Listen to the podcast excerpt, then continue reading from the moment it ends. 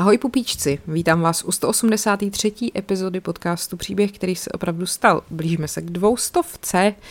Já jsem Markéta, zdravím vás takhle mezi svátkama, doufám, že se máte hezky, že jste měli hezkýho Ježíška, že prostě si to užíváte, jste tak nějak jako v klidu a tak. A říkala jsem si, že třeba budou lidi, kteří už mají trochu plný zuby, takový ty idylky a světýlek a pohádek a kolet a všeho, a pro ně je tady tahle epizoda, ve které zpracovávám vánoční masakry. To znamená, jaký brutální trestní činy, které se odehrály během vánočních svátků. Tak eh, třeba to někomu přijde vhod. Eh, já teda vám opět děkuji za vaše ohlasy a zprávy, těším se na příští rok, protože chystám pár novinek, co se týká podcastu, jakože hnedka po novém roce to spustím, nebudu to prozrazovat předem, uvidíte sami a taky jsem teda docela zvědavá, co se stane s prezidentskými volbama. K tomu chystám takovou věc pro předplatitele. Předplatitelé ví, kdo není předplatitel, může se dozvědět tím, že začne předplácet. Když tak můžete na herohero.co lomeno podcast příběhy nebo na piky.cz lomeno paní královna. Na obou těch platformách vychází dvakrát týdně epizoda, která je navíc, kterou tady neuslyšíte a teď zrovna tenhle týden tam budu vydávat taky ještě vánoční masakry další, kromě těch, o kterých dneska budu mluvit. A pak taky epizodu o tom, jak vznikaly takový ty nejznámější zahraniční vánoční filmy. Takový ty, co my považujeme za vánoční filmy, to znamená Sám doma, Láska nebeská, Pretty Woman. Ještě mi někdo psal, že by tam chtěl smrtonosnou past, což chápu, to je taky velmi vánoční film, tak ještě zkusím něco k smrtonosné pasti, protože, jak praví klasik, nejsou to opravdický Vánoce, dokud nevidíte Hanse Grubra, jak visí z Nakatomi Plaza. Tak, a my se na to dneska vrhneme, takže téma dnešní 183. epizody je masakry, které se odehrály o Vánocích.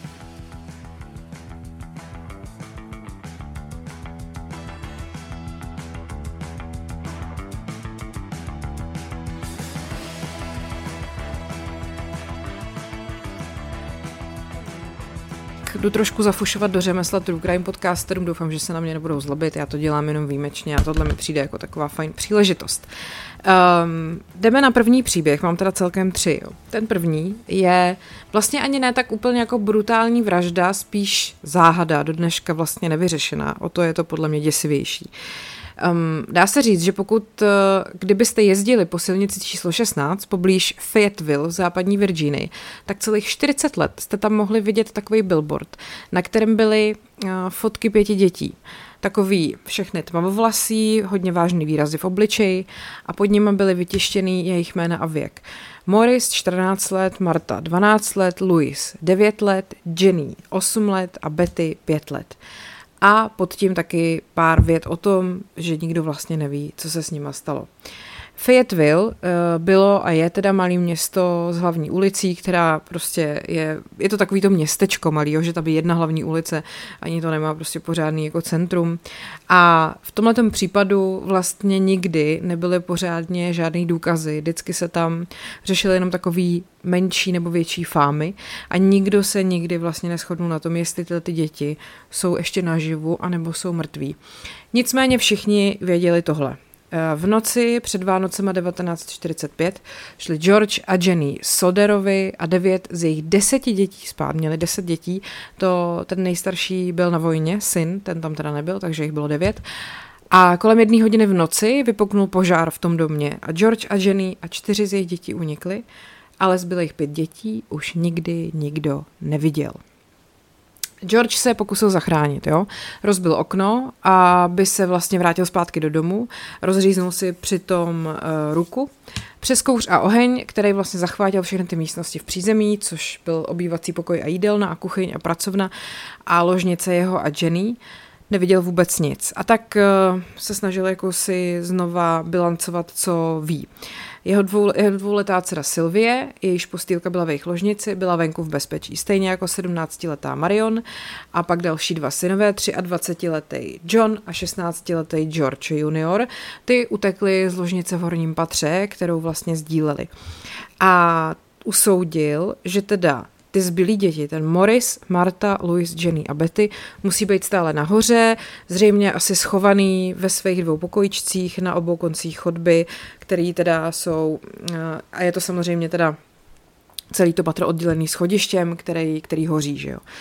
No a on teda vyběhnul zpátky ven a doufal, že se k ním dostane oknama v patře e, po žebříku. Jenomže ten žebřík, který tam vždycky byl, opřený o barák, tam prostě nebyl najednou. On teda dostal nápad. Přijel s jedním ze svých dvou nákladních aut, eh, který měl na uhlí, tak přijel s ním k baráku a vylez e, na to auto, aby se dostal k těm oknům. Ale najednou prostě ani jedno to auto nefungovalo, jakože nenastartoval. Um, OK, tak zkoušel prostě jiné možnosti. Chtěl nabrat vodu ze sudu, uh, aby jako začal hasit ten oheň, ale zjistil, že ta voda je zmrzlá. Prostě byl úplně zoufalý, pět jeho dětí je někde nahoře, že je uvězněný v těch obrovských plamenech a on vůbec nevěděl, co má dělat. Načež teda jeho dcera Marion sprintovala k sousedům, aby zavolala hasičům z Fayetteville, ale uh, ona se jako nedovolala žádného operátora. Soused, který viděl požár, zavolal z nedaleký hospody, ale opět prostě žádnému operátorovi, respektive nikdo mu to prostě nevzal. Ten rozčilený soused teda potom jel do města a vyhledal velitele hasičů FJ Morrise a ten teda už potom spustil tu jako ten požární poplach, uh, což byl tehdy v roce, v roce 45 takový ten systém toho telefonního stromu. To znamená, že jeden hasič zavolal druhýmu a ten zase dalšímu a tak dále a tak dále. Eh, ten hasičský sbor byl vzdálený pouhých 2,5 kilometru, ale ta posádka na to místo dorazila až v 8 hodin ráno, což jinými slovy znamená, že ten Soderův dům prostě už byl jenom kouřící hromada popela. George a Ginny předpokládali, že těch pět jejich dětí je mrtvých, že jo? Jenomže ta krátká prohlídka toho zbytku toho domu, co tam bylo na štědrý den, tam se prostě neobjevily žádné stopy, vůbec, jakože žádný ostatky, nic. Ten náčelník Morris, ten hasičský náčelník, předpokládal, že ten oheň byl tudíž asi, dostat, že, to byla, že to byla tak obrovská výheň, že ty těla prostě zcela spopelnily. Inspektor státní policie potom prohledal trosky a požár se nakonec, jakože příčina požáru se uzavřela jako kvůli vadný elektroinstalaci. George eh, potom vlastně chtěl to místo zachovat, uh, zasypal to jako hlínou, aby, to, aby z toho byl takový jako památník. A Koronerův úřad potom před, uh, těsně už před novým rokem, to znamená prostě pár dní poté, vydal pět umrtních listů, kde vlastně teda jako příčinu smrti uved uh, požár nebo udušení. Jenomže ty Soderovi se prostě nějak nemohli spokojit s tady tím závěrem a začali se zajímat o to, jestli ty jejich děti náhodou z toho požáru neunikly a jestli náhodou nejsou naživu. Tak, to byl takový úvod Chtěla jsem vám říct na začátku, o co půjde a teď se trošku vrátíme zpátky a řeknu něco víc o těch aktérech. Takže George Soder se narodil jako Giorgio Sodu v Tule na Sardíny v roce 1895 a do Spojených států emigroval v roce 1908, když mu bylo 13.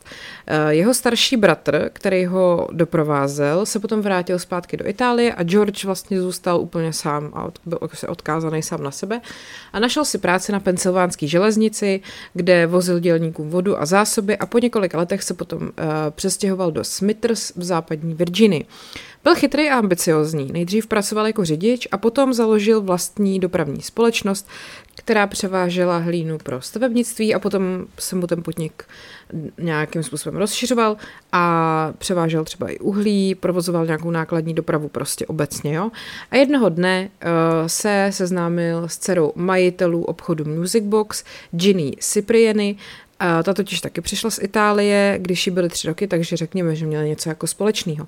No a pak se teda vzali v roce 1923 a měli teda těch deset dětí a usadili se ve Fayetteville v západní Virginii, což bylo teda místo pro ně velmi příhodný, protože tam byla taková aktivní, aktivní komunita italských přistěhovalců. A ty Soderovi byly, jak řekl jeden okresní soudce, jednou z nejváženějších středostavovských rodin v okolí. Ten George měl na všechno dost uh, vyhraněný názory od obchodu po aktuální události a politiku, ale třeba o tom svém mládí jako moc mluvit nechtěl. Uh, nikdy pořádně nevysvětlil, co přesně se stalo v Itálii, že vlastně chtěl odejít pryč, ale tak zase na druhou stranu jako v té době uh, utíkali do Ameriky všichni, co mohli, protože prostě měli uh, tu vidinu toho amerického snu a ta Amerika symbolizovala ten úspěch v tom životě a přijde mi to jako celkem normální, že k tomu člověk nemusel mít ani nějaký jako extra závažný důvod.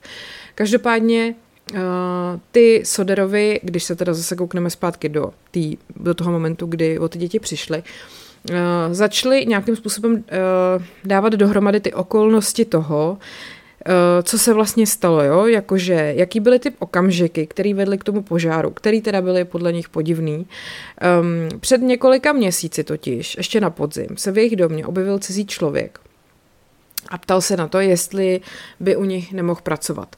E, zamířil k zadní části domu, ukázal na dvě oddělené pojistkové skříně a řekl, tohle jednou způsobí požár.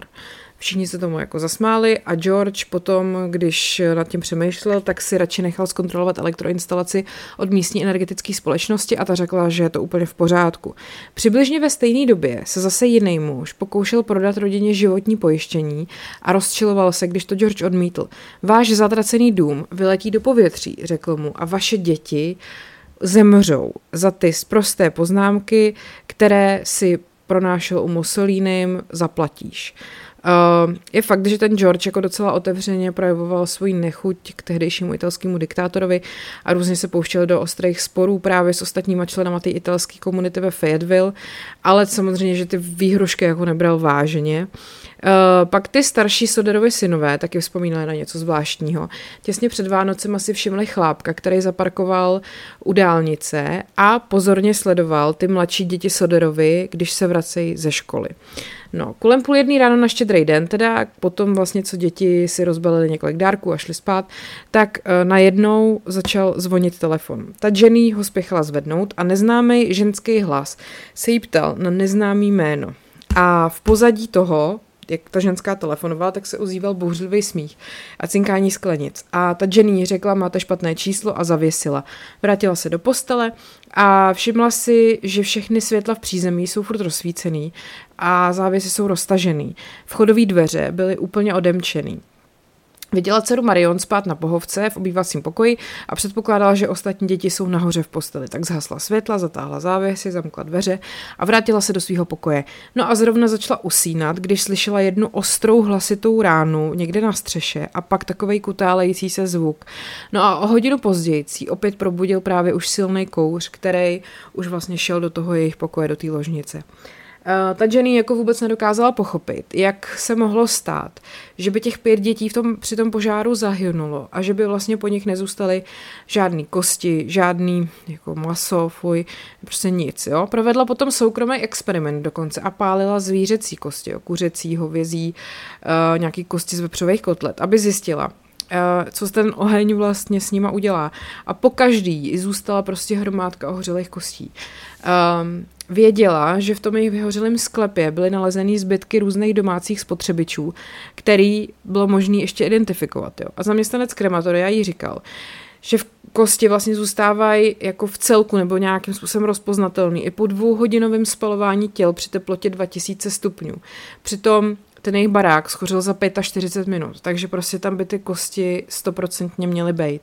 A těchto těch podivností přibývalo, jo, protože eh, když potom přišel na to místo elektrikář, tak ten těm Soderovým řekl, že to jejich vedení bylo zřejmě přerušeno a ne spáleno. A že kdyby to původně ten požár měl být jako důsledkem té vadné elektroinstalace, jak se uvádělo v oficiální zprávě, tak eh, by teda elektřina nefungovala a jak by se potom vysvětlily ty osvětlené místnosti v přízemí. Eh, přihlásil se navíc svědek, který tvrdil, že na místě požáru viděl chlápka, který si vzal špalek a takový nářadí, který se používá eh, do automobilových motorů a teďko na otázka je, jestli to byl důvod, proč ty Georgeovi auta vlastně nechtěli nastartovat. Potom uh, jednoho dne, když uh, se ta rodina uh, na tom místě zase sešla, aby tam jako uctila památku těch dětí, tak Sylvie, jedna z těch dcer, našla na dvoře předmět z tvrdý gumy. A Jenny si vzpomněla, jak právě slyšela před usnutím takový ten tvrdý náraz na střechu a kutálející se zvuk. A George usoudil, že to je skořápka od takové speciální bomby, která se používala ve válce. Jo, jakože to měl být asi příčina toho požáru. No a potom přišly ještě různé zprávy od různých svědků. Jedna žena tvrdila, že viděla ty pohřešované děti, jak se dívají z nějakého auta, zatímco hořelo. Jedna žena, která vlastně obsluhovala v asi 50 mil eh, vzdálený takový, řekněme takovým tom dineru, prostě v tom bistru, eh, uvedla, že viděla ty děti ráno po požáru. Podávala jsem jim snídani, řekla policii. A taky si ještě všiml auta s florickou poznávací značkou. Další žena, tentokrát v hotelu v Charlestonu, uvedla, že viděla ty děti týden po požáru, když viděla ty jejich fotky v novinách. Děti doprovázely dvě ženy a dva muži, všichni italského původu, uvedla ve svém prohlášení. Přesné datum si nepamatuji. Celá skupina se však v hotelu zaregistrovala a ubytovala se ve velkém pokoji z několika lůžky. Zaregistrovali se kolem půlnoci. Snažila jsem se s nimi přátelsky promluvit, ale muži se tvářili nepřátelsky a odmítli mi dovolit s těmito dětmi mluvit. Jeden z mužů se na mě podíval nepřátelsky, otočil se a začal rychle mluvit italsky.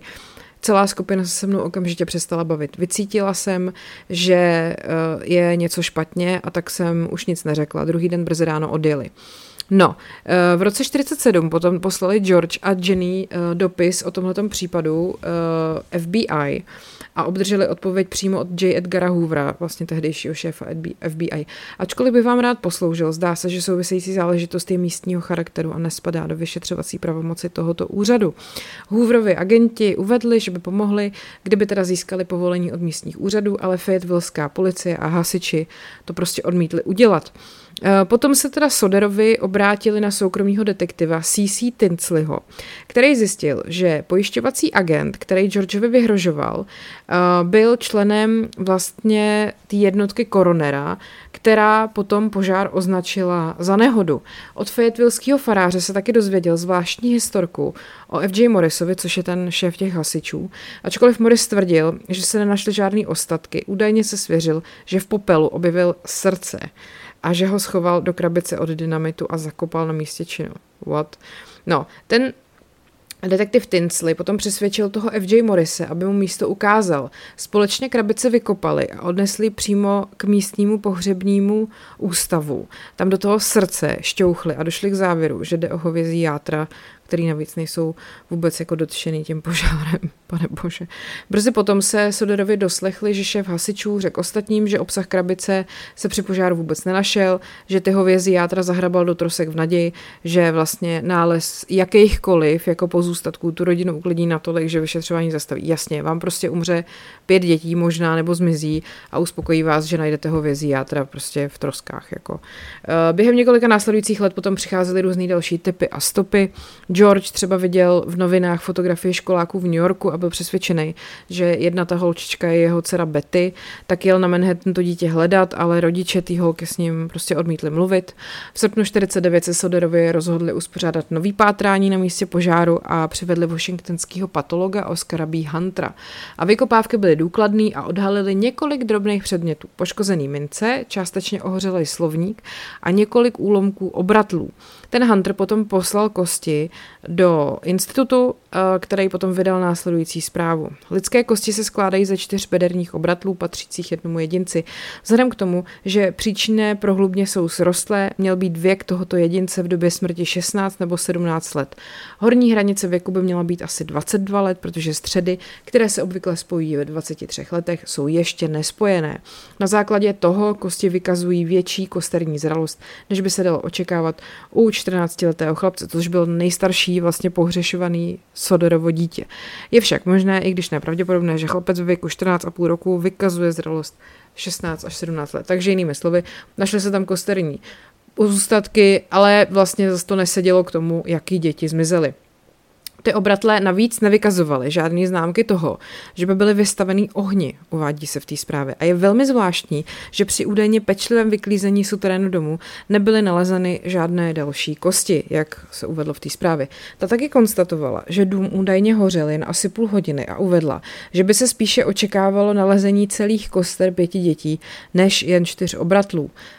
Ta zpráva dospěla k závěru, že kosti se z největší pravděpodobností nacházely v té hlíně, kterou potom vlastně ten pan George Sodero zasypal sklep, aby vytvořil dětem pomník, jo? že to byly prostě nějaký kosti úplně vlastně vodinut někoho jiného. No a ta zpráva vyvolala potom dvě slyšení v kapitolu v Charlestonu, po nichž uh, guvernér OK L. Pedersen a superintendent státní policie W. E. Barchett sdělili Soderovým, že jejich pátrání je beznadějný a opět prohlásili případ za uzavřený. George a Jenny se ale nenechali odradit a postavili právě billboard podél silnice číslo 16 a rozdávali letáky s nabídkou odměny 5000 dolarů za informace vedoucí k nalezení jejich dětí. A brzy potom tu částku zvýšili na 10 tisíc dolarů a přišel dopis od ženy ze St. Louis, v kterém stálo, že ta nejstarší dívka, eh, která zmizela, ta jejich Marta, je v tamním klášteře. Další typ potom přišel z Texasu, kde jeden z návštěvníků baru zaslechl vlastně takový usvědčující rozhovor o dávném štědrovečerním požáru v západní Virginii. A někdo potom zase z Floridy tvrdil, že děti pobejvají u vzdáleného příbuzného Jenny. George kvůli tomu cestoval vlastně po celé zemi, aby prověřil každou stopu, ale vždycky se vrátil domů jakoby bez odpovědí. V roce 1968, víc než 20 let po požáru, šla Jenny pro poštu a našla obálku adresovanou pouze jí. Byla opatřená poštovním razítkem z Kentucky, ale neobsahovala žádnou zpáteční adresu. A uvnitř byla fotka muže ve věku kolem 20 let a na její druhé straně byl záhadný ručně psaný vzkaz. Louis Soder, miluji bratra Frankieho, A Boys, A 90 132 nebo 35. No, uh, ani, ona ani George nemohli popřít podobnost s jejich Louisem, uh, který mu vlastně bylo v době požáru 9 let. A kromě teda zjevných podobností, což byly tmavý kudrnatý vlasy, tmavě hnědý oči, měli i stejný jako nos a stejně skloněný obočí. A tak si znovu najali soukromýho detektiva a poslali ho do Kentucky. A už o tom detektivovi nikdy neslyšeli. Uh, oni se vlastně obávali, že kdyby to celé jako zveřejnili, takže by tomu synovi mohli ublížit.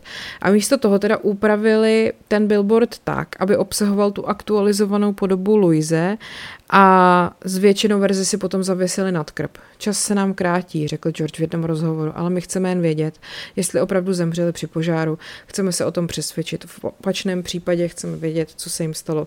No a George Soder potom zemřel v roce 1968, ale až do smrti doufal, že v tom případu dojde k nějakému zlomu. Eh, ta Jenny potom eh, vlastně se nějakým způsobem zašla uzavírat před světem a od požáru na sobě nosila výhradně černou barvu a pokračovala v tom vlastně až do své vlastní smrti v roce 1989. Ten billboard nakonec spadnul a potom i děti a vnuci George a Jenny pokračovali ve vyšetřování a přišli s vlastníma teoriemi. To znamená, místní mafie se pokusila George naverbovat, ale on odmítnul, snažili se z něj vymámit peníze a on odmítnul, takže děti unesl někdo, koho znali. Někdo, kdo prostě vtrhnul do těch nezamčených domovních dveří, Řekl jim o tom, že dům hoří a že jim nabídnul, že je odvede na bezpečné místo a že by jinak jako nepřežili. No a pak prostě Bůh ví co. Nicméně je opravdu možný, že ty děti pak žili dál desítky let, že to byl opravdu Louis na té fotografii a že třeba ty děti nekontaktovali rodiče jenom protože je chtěli chránit. Tak jako ta Itálie, že jo, jako italská nějaká komunita, samozřejmě, že to člověka svádí k nějakým myšlenkám na nějakou mafii a takový, ale zase jako blbý házet všechny Italy do jednoho pytle, nevím, no. Uh, nejmladšímu a poslednímu přeživšímu dítě těch Soderových, Sylvie, je dneska 70 let a vlastně nevěří tomu, že ty její sourozenci při požáru zahynuli. A když teda má čas a sílu, tak navštěvuje různé internetové stránky, které se zabývají pátráním po zločinech a vlastně se i stýká s lidma, který se pořád o tu záhadu ty její rodiny zajímají. Její první vzpomínky se právě vztahují k té noci v roce 45, to jí byly dva roky. A říká, že nikdy nezapomene na pohled na krvácejícího otce ani na strašlivou symfonii křiku všech přítomných a ani teď není o nic blíž k pochopení, proč se to všechno stalo. Takže to byl první příběh, který se opravdu stal a zmizení uh, dětí Soderových, který možná zemřeli při požáru, ale možná taky ne. Tak, kouknu se, jak dlouho mluvím. Hele, docela dlouho, to možná dáme jenom dva ty případy a já pak si ten další teda, nebo další ještě asi dva nebo tři nechám do bonusu, jo. Tak eh, jdeme na ten druhý a to je, to jsou vraždy v Carnation. Carnation se nachází asi 25 mil východně od největšího města státu Washington, Seattle. Ačkoliv má status města, tak Carnation zabírá pouze 1,1 čtvereční míle a žije tam jenom asi 2100 lidí. Taková, taková větší obec, no, vesnice, možná už městys, by se řeklo u nás. Městys Carnation, prostě.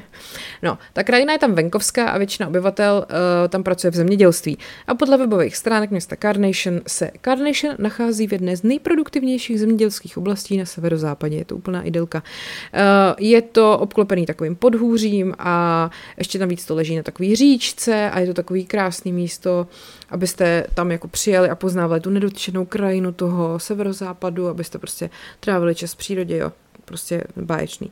No a vzhledem k té malinký rozloze je jasný, že tam žije taková ta klasická semknutá přátelská komunita, kde se všichni navzájem znají a navenek se tváří, jak je to skvělý, ale ve skutečnosti pak všichni pomlouvají, protože se čumí do dvora, že jo. A město teda každoročně pořádá oslavy dne eh, nezávislosti a různý podzimní sklizně. Eh, jo, hele, je to takový až skoro star s holou, jo. Když jsem si to tak četla, tak to na mě tak jako celý působilo, jakože prostě tam jsou všichni takový kouzelně blá blázniví a pořádají prostě různé slavnosti a slaví divné svátky a podobně. No, nicméně, eh, zase tak idylický to samozřejmě není. Uh, ta oblast je teda považovaná za dobré místo pro založení rodiny, ale někteří by možná teda nesouhlasili. Uh, jako není tam žádná prostě speciálně zvýšená kriminalita, taková klasika, jako občas nějaký krádeže, násilný trestný činy jsou velmi vzácný. Což teda všechno platilo do 24. prosince 2007, kdy Carnation zasáhnul jeden z nejhorších případů vraždy v historii státu Washington a od té doby už tam úplně Vánoce nejsou takový idylický, jak bývaly. Judy Andersonová a Wayne Anderson byli teda šťastně svoji 31 let. Judy pracovala jako na poště, zatímco Wayne uh, zpracoval ve společnosti Boeing. A společně měli tři děti. Mary, Scotta a Michelle. Scott byl ženatý s Erikou a měli spolu dvě děti, Olivy a Nathana. Hele, už to začíná být trošku komplikovaný, takže máme tři děti, Mary, Scott, Michelle, Scott ženatý, tři děti. Michelle, uh, to byla teda ta druhá dcera, ta žila se svým přítelem Josephem McEnroem uh, a žili teda v přívěsu na pozemku o rozloze 10 akrů, který ale vlastnili rodiče tý Michelle, jo, ta Judy a ten Wayne. Uh, já teda musím říct, že jakmile si někde čtu, že někdo bydlí v přívěsu, tak už to má vždycky se mi zvyhne varovný prst někde v hlavě, že to asi nebude úplně jako uh, spořádaná rodina, protože já si myslím, že když člověk prostě žije v přívěsu, tak má nějaký problém trošku. Ne, já nevím. Nebo možná prostě nechcete utrácet za bydlení. A jako zase, když máte ten pozemek, na kterém ten přívěs, můžete se kdykoliv sebrat a odjet někam pryč. Jako má to své výhody, ale kam si ty lidi dávají věci, nebo třeba prostě kam chodí jako kadit, nebo já nevím. No, prostě mi přijde, že vždycky, když je to o nějakým jako chování kriminálním, tak to začíná tím, že ty lidi bydlejí v přívěsu. ale třeba, není, třeba to není pravda. Třeba mi uh, dáte příklad někoho, kdo bydlel v přívěsu. Hele, ale pak jsou zase takový, to je pravda, že jsou takový ty lidi, kteří jako vyrůstali v přívěsu a pak udělali obrovskou kariéru. Takový ty herci, jak byli z chudých poměrů a počkej, Jim Carrey, myslím, s rodinou, nebo s rodinou, no prostě, že bydleli v přívěsu a ještě někdo takhle bydlel v přívěsu. Ano, dobře, jsou výjimky, ale podle mě bydlet v přívěsu rovná se prostě bejt takovej ten typ do výměny manželek trošku, ne? No, tak, Každopádně, uh, pojďme se podívat na to, co se dělo na štědrý den 2007. Rodina naplánovala setkání v domě Vejna a Judy.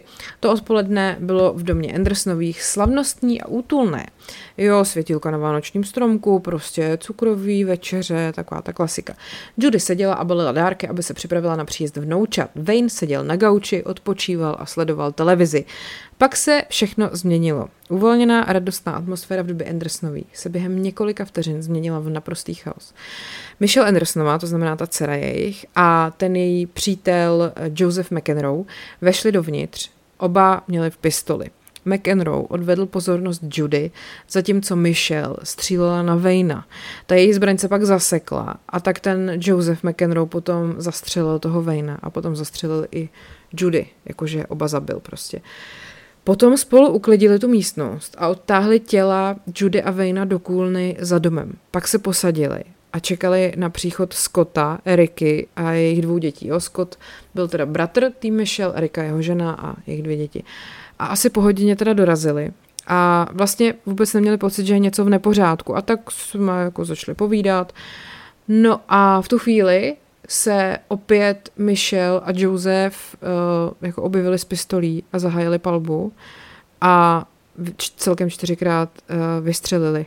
Takže ten Scott byl na místě mrtvej a ta Erika kolem páté hodiny odpoledne zavolala na tísko, tísňovou linku a křičela do telefonu, Uh, jako, nech, jako děti ne, děti ne, ale než úřady stihly zjistit, co se děje, tak se ten telefon odmlčel. A ta Michelle na tu Eriku dvakrát vystřelila a když potom uh, zjistila, že jí došly náboje, tak řekla tomu Josefovi, že musí zastřelit děti, který křičí a ty Eriky se drží. No a on udělal to, co mu řekla a ta Michelle a Joseph potom 14 nábojem a prostě zlikvidovali všech šest členů té Andersonovy rodiny.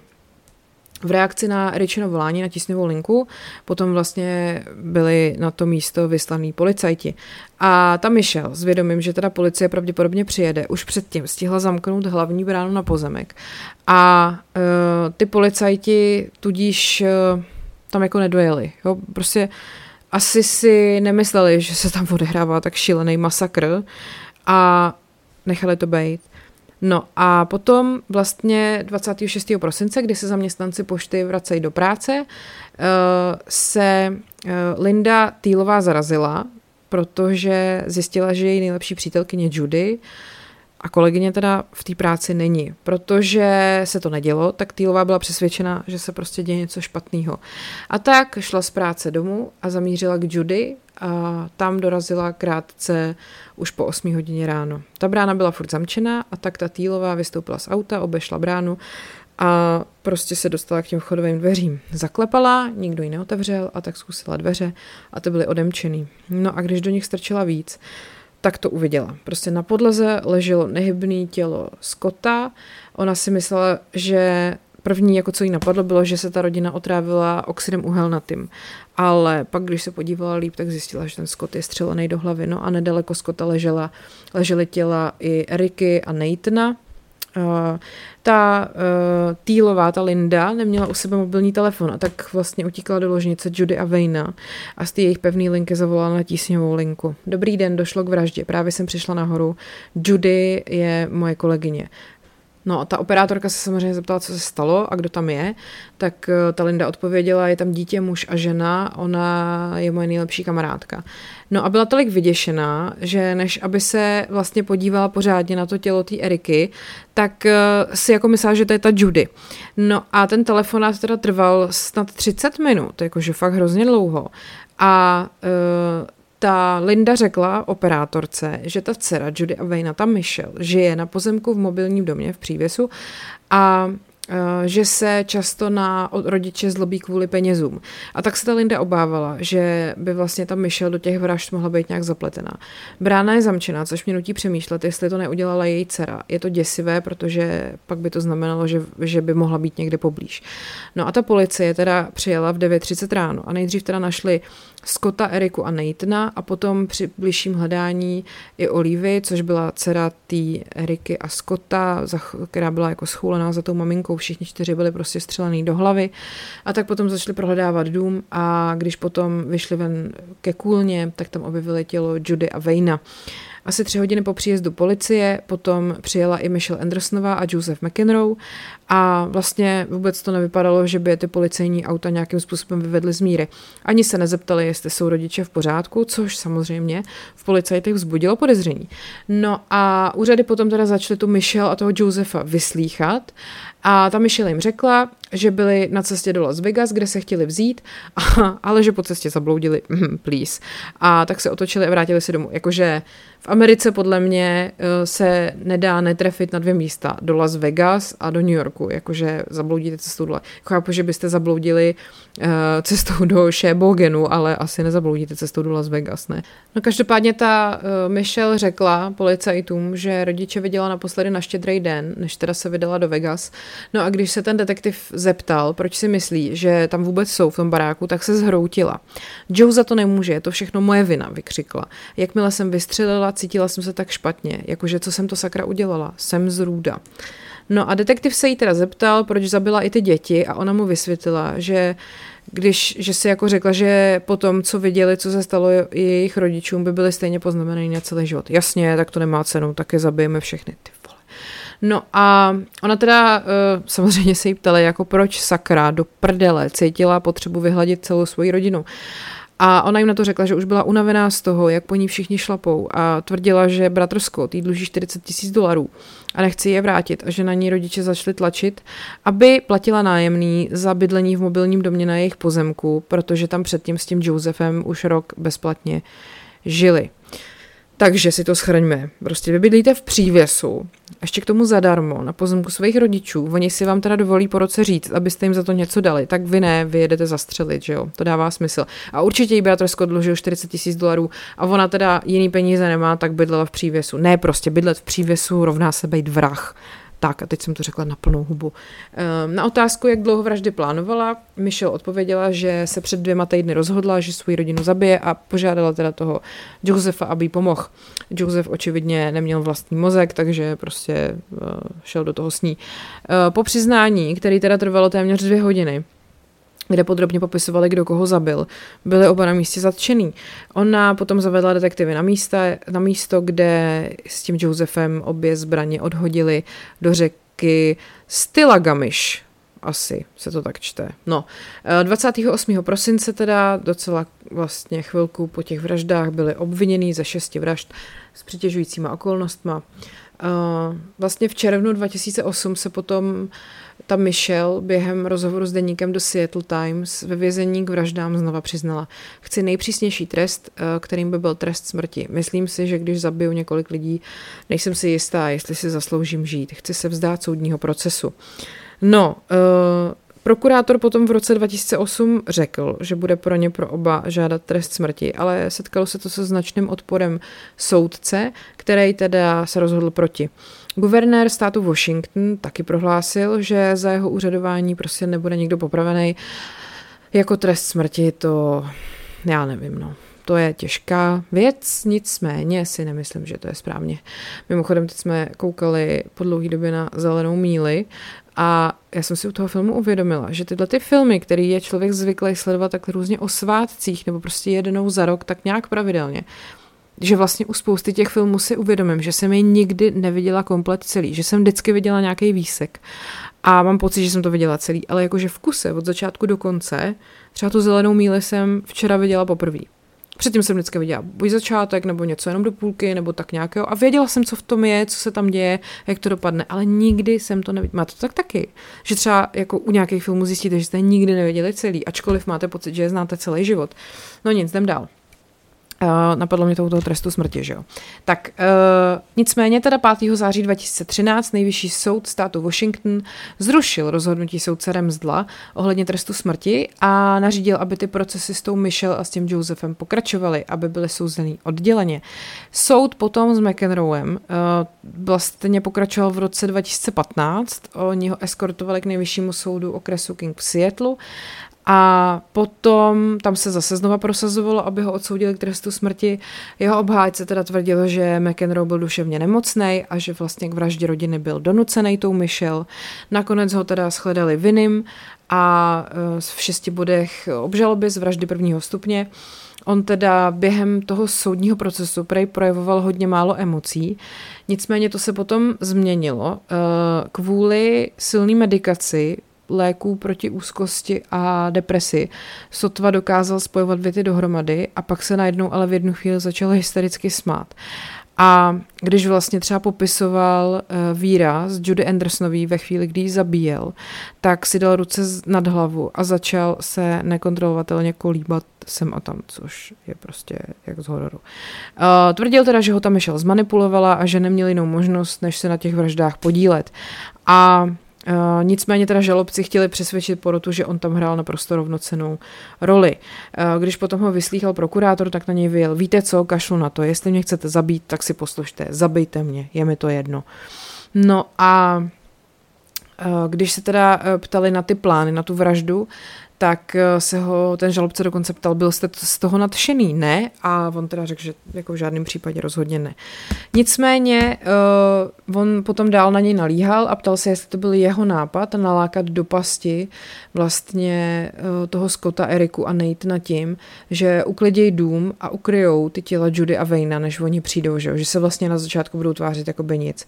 A on, že ne, a že se nesnaží omluvit svoje činy, ale že se snaží jenom vysvětlovat, co se stalo. Aby vůbec vlastně člověk mohl být odsouzený k trestu smrti, muselo by se pro něj vyslovit všech 12 porodců, teda ve státě Washington to tak je.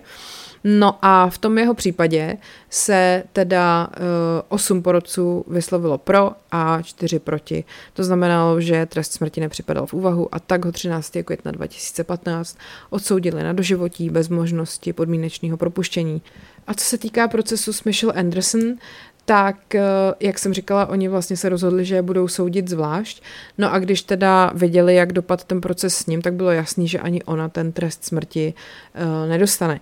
25. ledna 2016, až začal ten proces s ní, to znamená nějakých 9 let poté, co se to stalo. Uh, a e, vlastně ten žalobce v úvodní řeči prohlásil, že motivem těchto vražd je čistá, nefalšovaná chamtivost. Že vlastně odkazovala na ten rozhovor, co ona vedla hned po tom, co je zatkli, že to vlastně celý bylo jako o penězí, že to prostě zmínila prej víc než 35krát e, v tom svém vysvětlení, proč tu svoji rodinu zabila.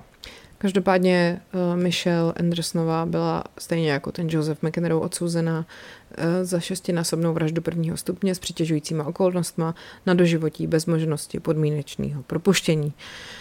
Takže tak, tak to byl druhý příběh, který se opravdu stál, druhý vánoční masakr a já se teda ty další nechám do bonusové epizody, jak jsem říkala, buď na Hero Hero nebo na Piky a to je zatím ode mě všechno, ale ještě se tenhle týden uslyšíme, protože budu natáčet silvestrovskou epizodu, která bude právě o těch, eh, jak jsem říkala, že v bonusech budou filmy zahraniční, vánoční a jejich původ, tak do silvestrovské epizody tady, to znamená 184. dám eh, český vánoční filmy, nebo spíš pohádky a to, jak se natáčely a bude to silvestrovský v tom, že jsem se rozhodla, že to budu natáčet uh, takže to nebudu stříhat. Jakože tohle, co teďka posloucháte, už je jako finální produkt. Ale já to silvestrovský udělám tak, že to prostě nechám bejt bez střihu. Jo, tak aspoň uslyšíte, jak to vypadá, když se mi to nepovede a podobně. Tak doufám, že vás to bude bavit. Předpokládám, že to je jako to silvestrovský, ne? To vždycky dělají na všech jako televizích, že vám pouštějí prostě různý jako nepovedený reportáže, když se někdo přeřekne a tak. No tak já prostě to budu dělat téměř jako v přímém přenosu a možná tam budou i nějaké dobové ukázky. Hm. Tak jo, tak se mějte hezky, užívejte si volno, pokud máte, užívejte si svátečky a ať je váš život příběh, který se opravdu stal.